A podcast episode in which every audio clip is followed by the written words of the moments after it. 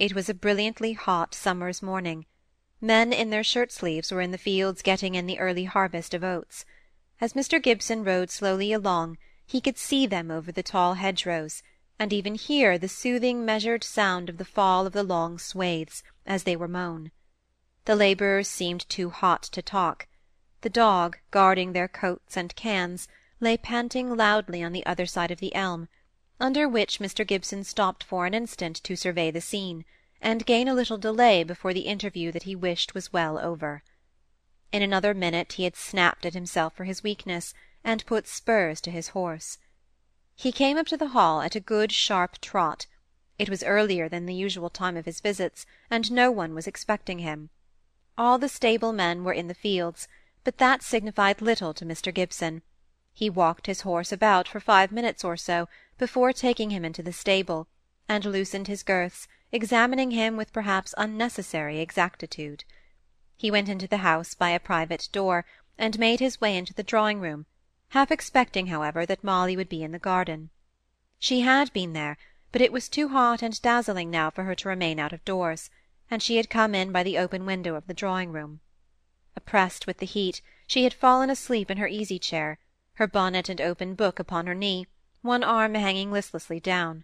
She looked very soft and young and childlike, and a gush of love sprang into her father's heart as he gazed at her.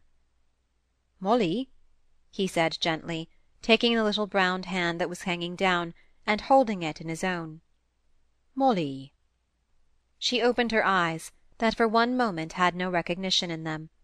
Then the light came brilliantly into them, and she sprang up, threw her arms round his neck, exclaiming, "Oh, papa! my dear, dear papa! What made you come while I was asleep? I lose the pleasure of watching for you." Mr Gibson turned a little paler than he had been before. He still held her hand, and drew her to a seat by him on a sofa, without speaking. There was no need; she was chattering away. "I was up so early. It is so charming to be out here in the fresh morning air. I think that made me sleepy. But isn't it a gloriously hot day? I wonder if the Italian skies they talk about can be bluer than that, that little bit you see just between the oaks there." She pulled her hand away, and used both it and the other to turn her father's head, so that he should exactly see the very bit she meant. She was rather struck by his unusual silence. "Have you heard from Miss Eyre, papa? How are they all? And this fever that is about. Do you know, papa, I don't think you are looking well. You want me at home to take care of you. How soon may I come home?" "Don't I look well? That must be all your fancy, goosey. I feel uncommonly well and I ought to look well, for I have a piece of news for you, little woman." He felt that he was doing his business very awkwardly, but he was determined to plunge on. "Can you guess it?" "How should I?" said she, but her tone was changed, and she was evidently uneasy, as with the presage of an instinct. "Why, you see, my love," said he, again taking her hand, "that you are in a very awkward position a girl growing up in such a family as mine young men which was a piece of confounded stupidity on my part and I am obliged to be away so much."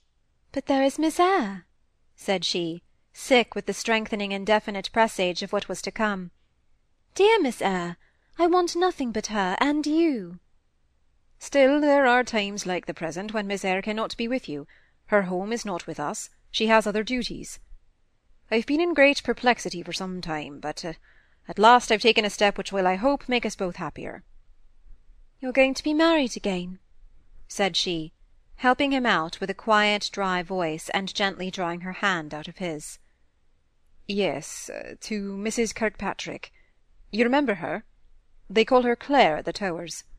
You recollect how kind she was to you that day you were left there?" She did not answer. She could not tell what words to use.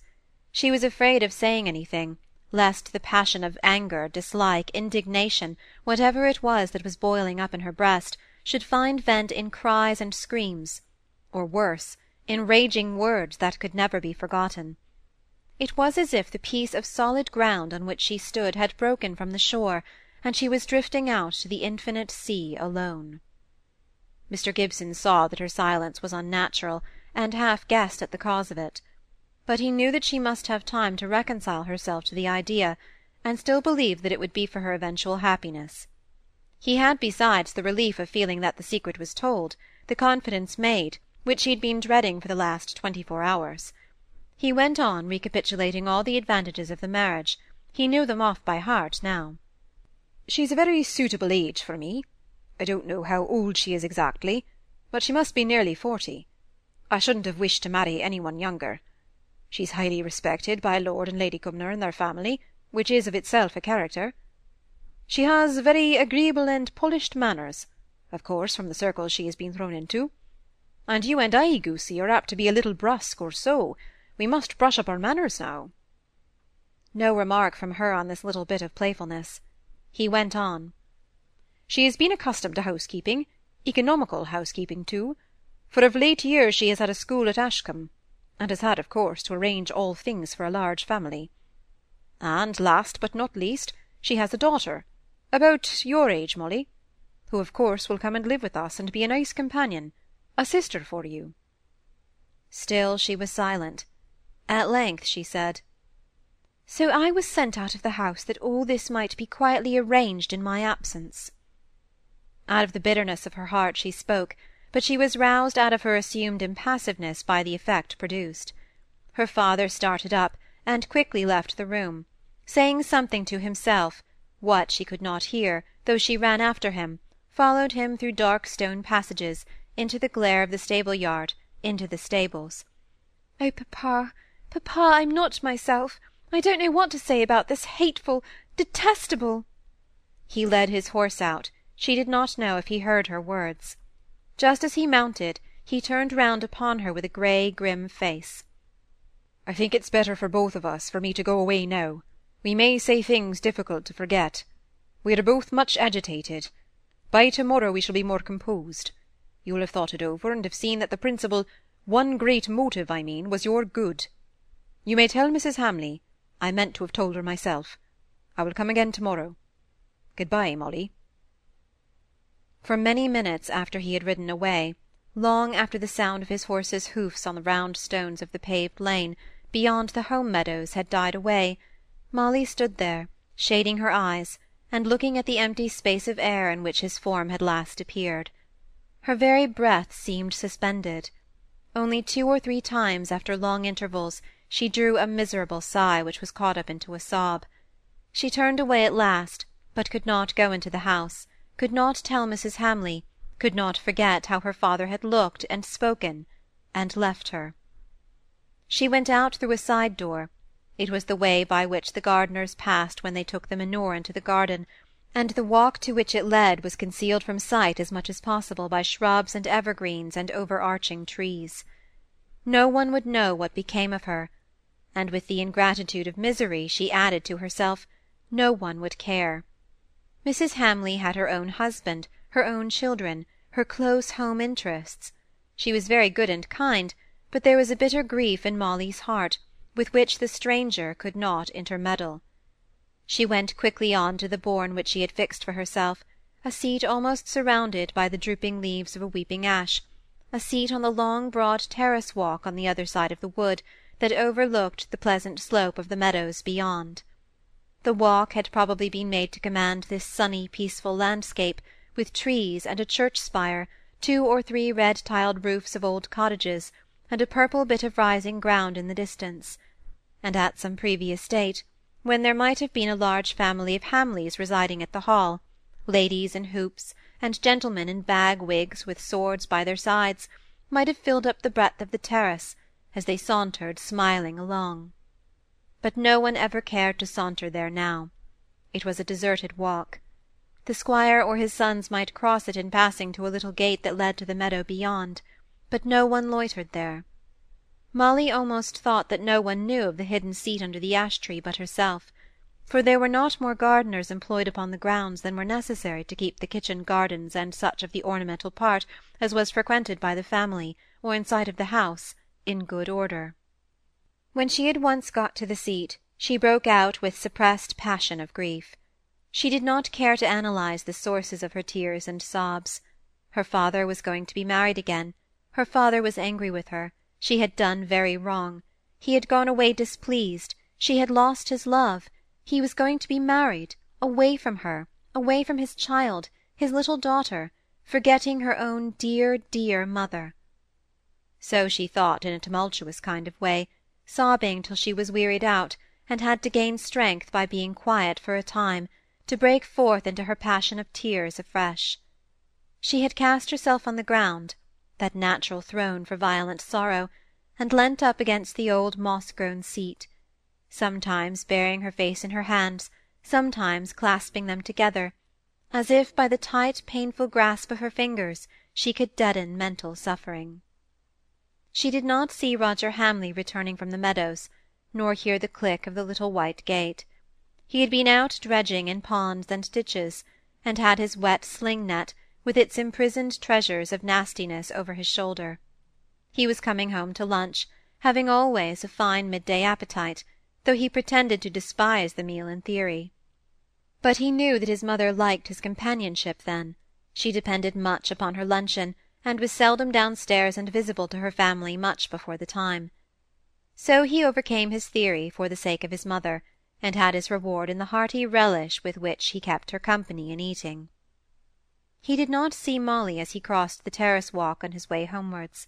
He had gone about twenty yards along the small wood path at right angles to the terrace, when looking among the grass and wild plants under the trees, he spied out one which was rare, one which he had been long wishing to find in flower, and saw it at last, with those bright keen eyes of his. Down went his net, skilfully twisted so as to retain its contents, while it lay amid the herbage, and he himself went with light and well-planted footsteps in search of the treasure. He was so great a lover of nature that, without any thought, but habitually, he always avoided treading unnecessarily on any plant. Who knew what long-sought growth or insect might develop itself in that which now appeared but insignificant? His steps led him in the direction of the ash-tree seat, much less screened from observation on this side than on the terrace. He stopped. He saw a light-coloured dress on the ground, somebody half lying on the seat, so still just then he wondered if the person, whoever it was, had fallen ill or fainted. He paused to watch. In a minute or two the sobs broke out again, the words. It was Miss Gibson crying out in a broken voice, "Oh, papa, papa, if you would but come back!" For a minute or two he thought it would be kinder to leave her fancying herself unobserved. He had even made a retrograde step or two on tiptoe, but then he heard the miserable sobbing again. It was farther than his mother could walk, or else, be the sorrow what it would, she was the natural comforter of this girl, her visitor. However, whether it was right or wrong, delicate or obtrusive, when he heard the sad voice talking again, in such tones of uncomforted, lonely misery, he turned back, and went to the green tent under the ash-tree. She started up when he came thus close to her. She tried to check her sobs, but instinctively smoothed her wet tangled hair back with her hands. He looked down upon her with grave, kind sympathy, but he did not know exactly what to say. "Is it lunch-time?" said she, trying to believe that he did not see the traces of her tears and the disturbance of her features, that he had not seen her lying sobbing her heart out there. "I don't know. I was going home to lunch. But you must let me say it I couldn't go on when I saw your distress. Has anything happened? Anything in which I can help you, I mean? For of course I've no right to make the inquiry if it is any private sorrow, in which I can be of no use.